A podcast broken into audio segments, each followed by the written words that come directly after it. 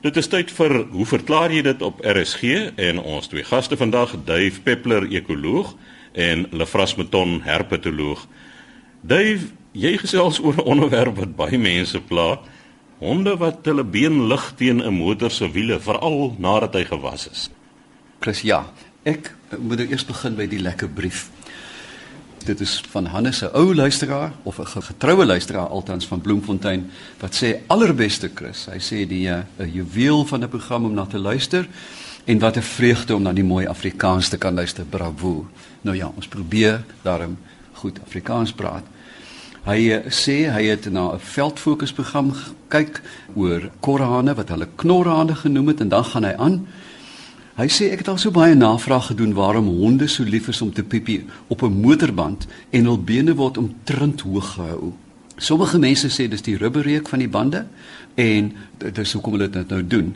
Nou wat gaan hy aanvra eintlik en dan sê hy Christen paneel baie baie dankie. Dankie RSG. Wat ons hier mee te doen het is met territorialiteit. Nou, kom ons kyk eers gou 'n bietjie na definisies want dit is nie so eenvoudig soos dit klink nie. 'n Territorium is 'n gebied wat deur 'n spesies beskerm word teen eie soortige spesies. Dit is nie 'n kat wat hom teen 'n hond beskerm, dit is 'n hond wat sy territorium teen 'n ander hond beskerm.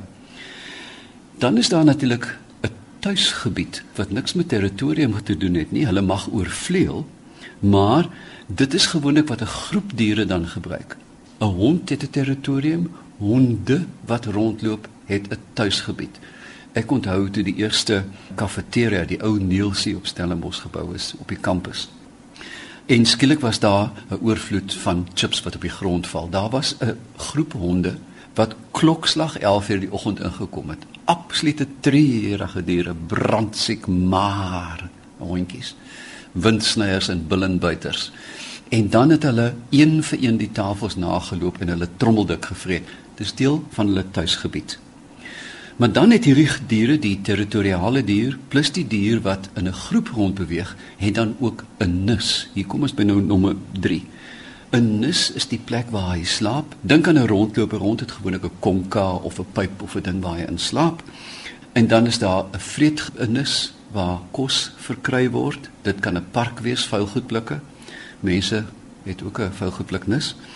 En dan is daar 'n broeinis, 'n paringsnis en 'n skuilingsnis en in baie gevalle by baie diere ook 'n oorwinternis. Nou, wat 'n mens moet onthou is dat territoria mag oorvleuel. Dit is nie totaal uitgesluit nie, maar hulle het dan ook kerne. Gewoonlik het 'n territorium 'n kern en die word beskerm. Ek was onlangs in Uganda die voorreg gehad om 'n groep van 400, 'n tuisgroep van 400 sjimpansees te gaan besoek. Hulle hoofman oor 400 se naam was Totti. En Totti is nie verniet hoofman nie, want al wat hy die hele dag doen is afknou en beskerm.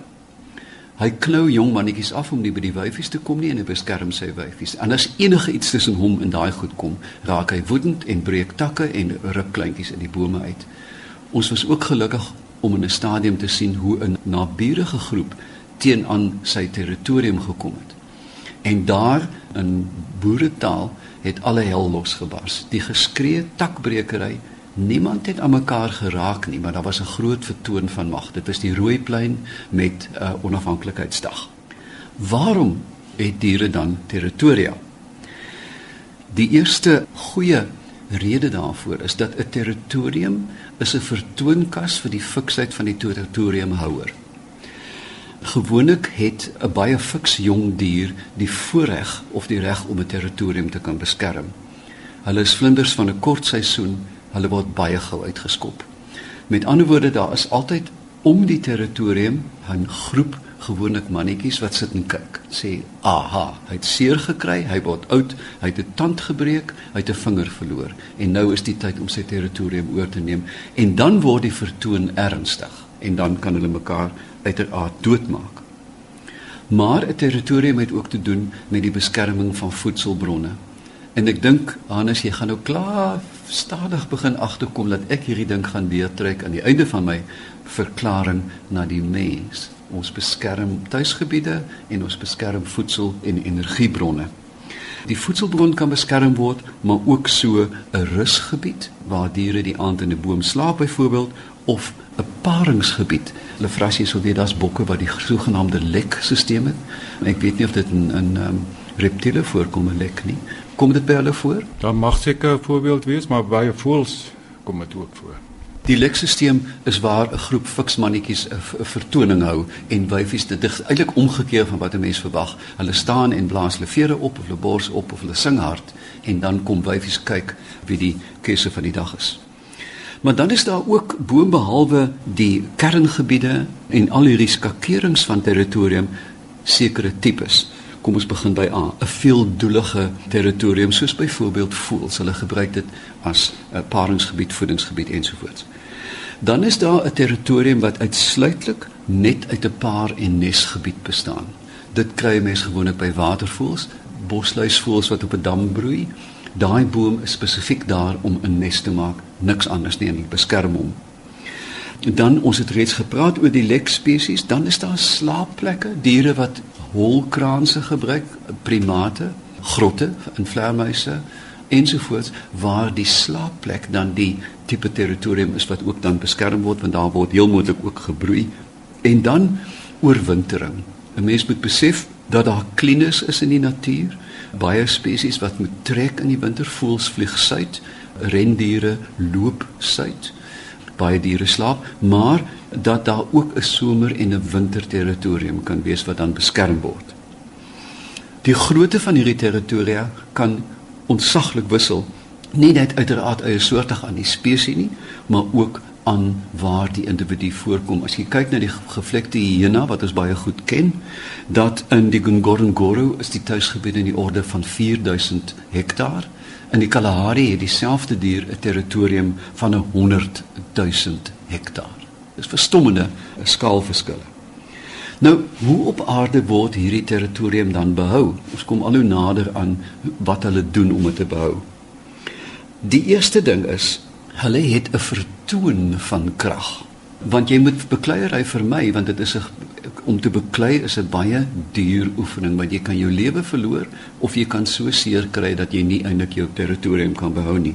En dit gebeur dan gewoonlik op die grense dat twee groepe of individue na mekaar beweeg sê o damn it hier kom Klasie en sy groep aan en nou slaan jy op jou bors, jy roep hard, jy breek 'n paar takke, jy knyp 'n baba, jy maak 'n helse geraas en dan skrik almal magtig. Dis 'n groot groep mense hierdie ons moet wegbly of ape of wat ook al.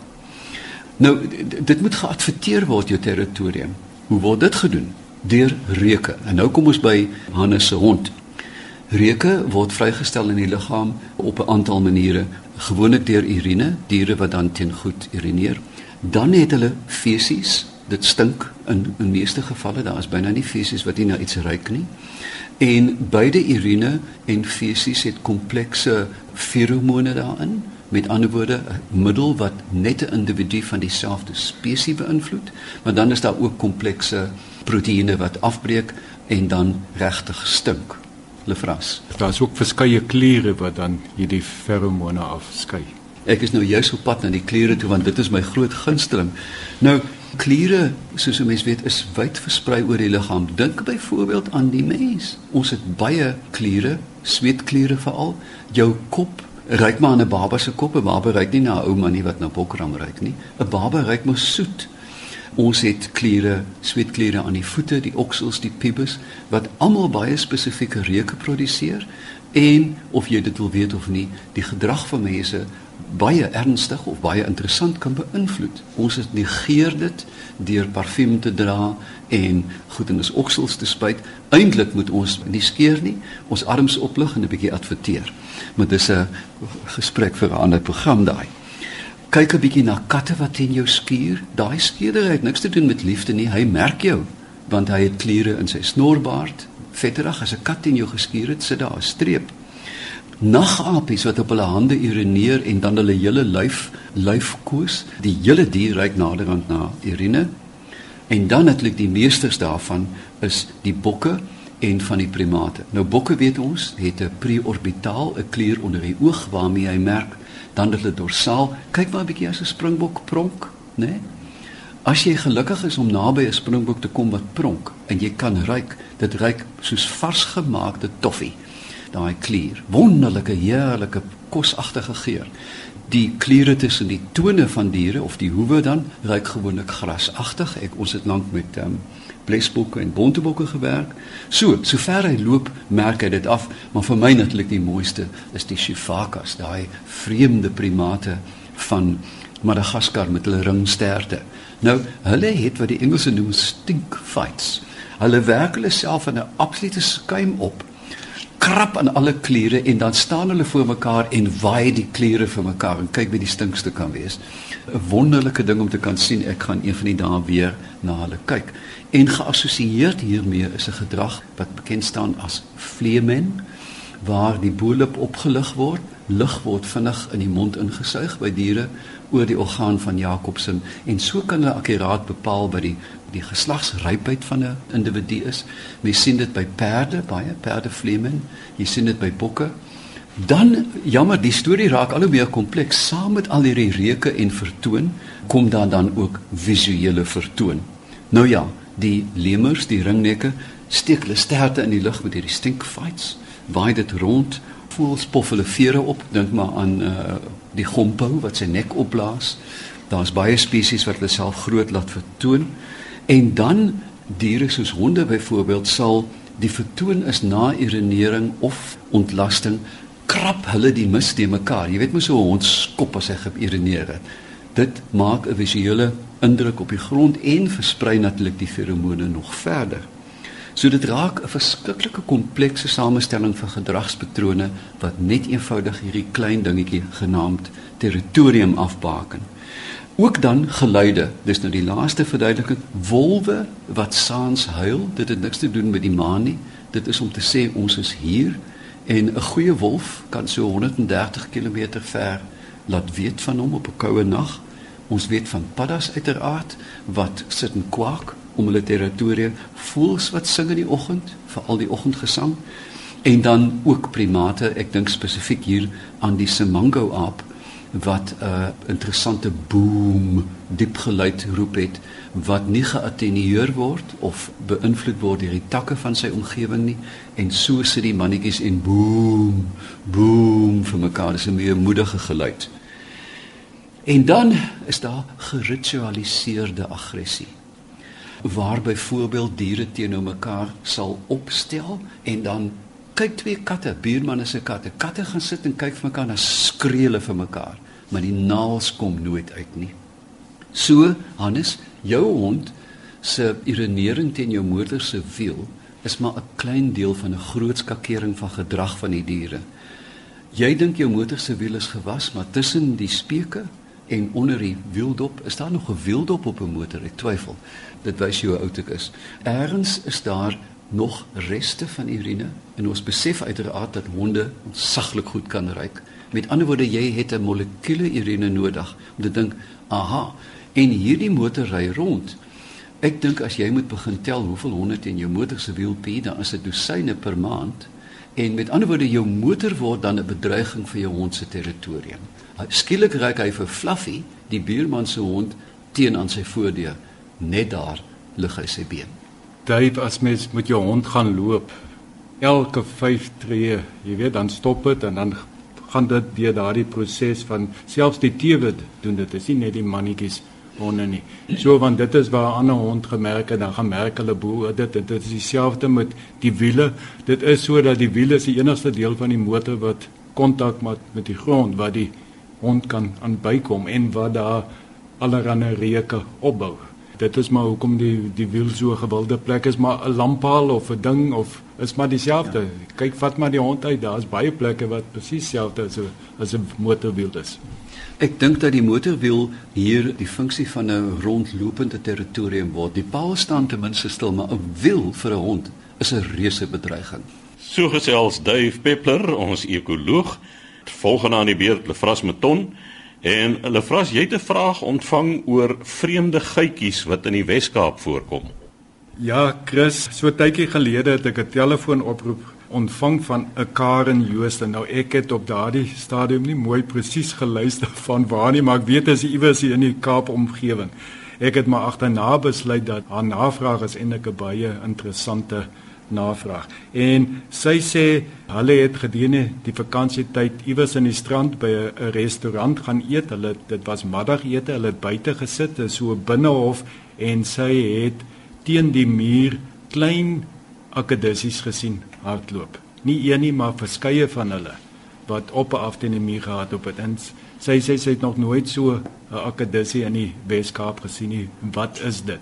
Ek het dadelik my vermoede gehad wat dit is want daar was al die laaste tyd 'n redelike klomp oproepe in verband met vreemde klein akedissies.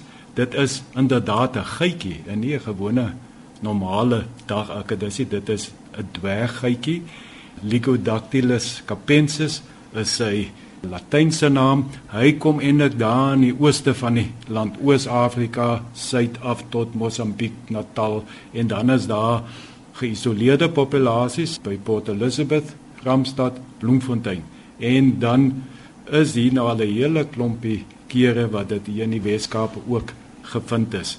Meestal by kwekerye 2004 ek het toe agterna met Atherton de Villiers van Natuurbewaring hier in die Weskaap Cape Nature gesels. Hy sê 2004 was dit eerste keer wat dit nou gerapporteer is. Kwekery hierso by Lyndog se omgewing en daarna by nog kwekery en daarna het dit toegeneem toegeneem toegeneem en nou is dit al in die dorpe. So dit is 'n geitjie wat dan nou versprei het via die mense aktiwiteite. Daar's baie baie sulke gevalle waar die mens onwetend diere vervoer en dit is nogal snaaks dat die kwekerye lyk my is nie net akedisse nie maar ook ek wil nie eens dink aan die aan die aan die insekte en aan die tipe goede wat ondergrondse goed is, maar maar paddas. Omdat daar nou baie nat gespuit word in kwekerye, is dit ideale plekke waar baie paddas hou en so is daar ook dan by kwekerye heelwat gevalle al aangemeld van vreemde paddas van ander dele van die land wat hierso eindig. Lefras, jy laat my nou dink, daar is na my wete ook 'n klein slangetjie, een van hierdie klein Leptotyphlops tipe klein slangetjies wat met kwekerye ingebring is, maar dit is van oorsee. Dit is nie 'n inter-Afrika oorplasing nie. Is jy bewus daarvan? As jy reg onthou, is dit dat daar nou 'n gevestigde populasie plaaslik is. O, dit is interessant. Ja. Nou hierdie geitjie, soos ek sê, is is 'n daggeitjie en wat hulle baie interessant maak. Lygodactylus, hulle is omtrent so 60 spesies wat in Afrika, Madagaskar, daar's ook twee spesies in Suid-Amerika, soos 'n ou genus. Hy mag dalk nou al intussen onderverdeel gewees van die taksonome, die molekulêre mense doen nou fantastiese werk en al die goed jy praat nou eendag van hierdie genusnaam en die volgende dag is dit iets anders maar hulle is kom in die dag voor. En as jy hom nou een van naderby kan beskou dan sê jy sien sy pupille is mooi rond. En meeste nagdiere het mos langwerpige ovaal pupille. So dit is 'n werklike 'n dagdiertjie. En dan hulle is baie vinnig. Dit is ongelooflike vinnige diertjies. Wel meeste van ons ken geitjies as nagdiere wat relatief stadig is. Jy kan hom eintlik sommer so met die hand vang En daar's twee redes hoekom hulle so vinnig is. Die eerste is natuurlik omdat hulle in die dag lewe, as die eh, temperature baie hoër en hulle metabolisme kan dus hoër wees en hulle kan vinniger wees. Maar daar's eintlik 'n ander belangriker rede is dat daar's baie baie meer predatore in die dag, veral voëls wat hulle kan vang. En om voëls te ontwyk moet jy vinnig wees. In die nag is daar mos maar net eile, daar's eintlik die helfte minder predatore, so hulle hoef nie so vinnig te wees nie. Nou ek het toe nou vir Atherton de Villiers van Natuurbewaring gevra wat doen hulle omtrent dan dit is nou al 10 jaar wat hierdie geitjie hier is in die Wes-Kaap en dit is lyk my goed gevestigde populasies doen hulle iets om dit nou te beperk, die verdere uitbreiding. Toe sê hy vir my, wat kan 'n mens doen met 'n klein geitjie? Daar's geen manier wat jy enigiets kan doen nie met die paddas wat inkom. Ja, paddas is afhanklik van water en ja, jy kan hoor waar hulle roep in die aande, maar met hierdie geitjies, daar is niks wat mens kan doen nie. So die vraag dus is watse effek kan hierdie geitjies dan nou hê? Is dit 'n probleem uit 'n bewaringsoogpunt? Normaalweg is die vraag wat mens wil vra word van die plaaslike inheemse spesies hier in die Weskaap nou benadeel deur hierdie nuweling of verplaaste spesies wat nou ingekom het? Is daar kompetisie met van ons huidige spesies? Nou hier in die Weskaap het ons geen akkedissie wat met hierdie geitjie sal kompeteer nie. So die ek sien nie die geitjie werklik as 'n bedreiging hierso nie. Om waar te sê dit is waarskynlik 'n handige addisionele voedselbron vir sekere ander predatore. En dan lyk dit vir my tot op datum is al hierdie plekke waar die geitjie hom nou gevestig het, dit is maar in dorpsgebiede. Daar's geen rekord waar hulle in die veld hulle gevestig het nie. Maar dit laat nou allerlei interessante vrae oor verspreiding van diere en ons weet baie goed het ingekom in die land in doelbewus deur die mense ingebring. Hier in die Weskaap is daar 'n hele paar voëlspesies wat Cecil John Rhodes onder andere in gebring het. Die eekoring is hierso.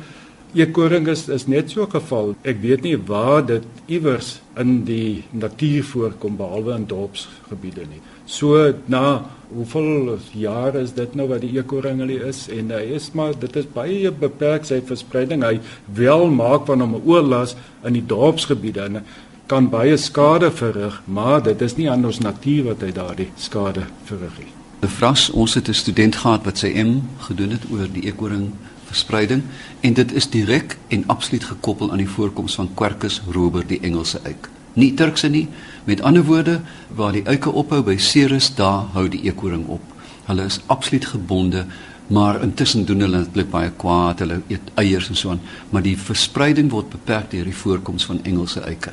'n Ander voël wat ek nou nie meer so baie nie, die Europese spreeu. Wat is die situasie met hom? Hy kom dan seker baie wyd versprei voor.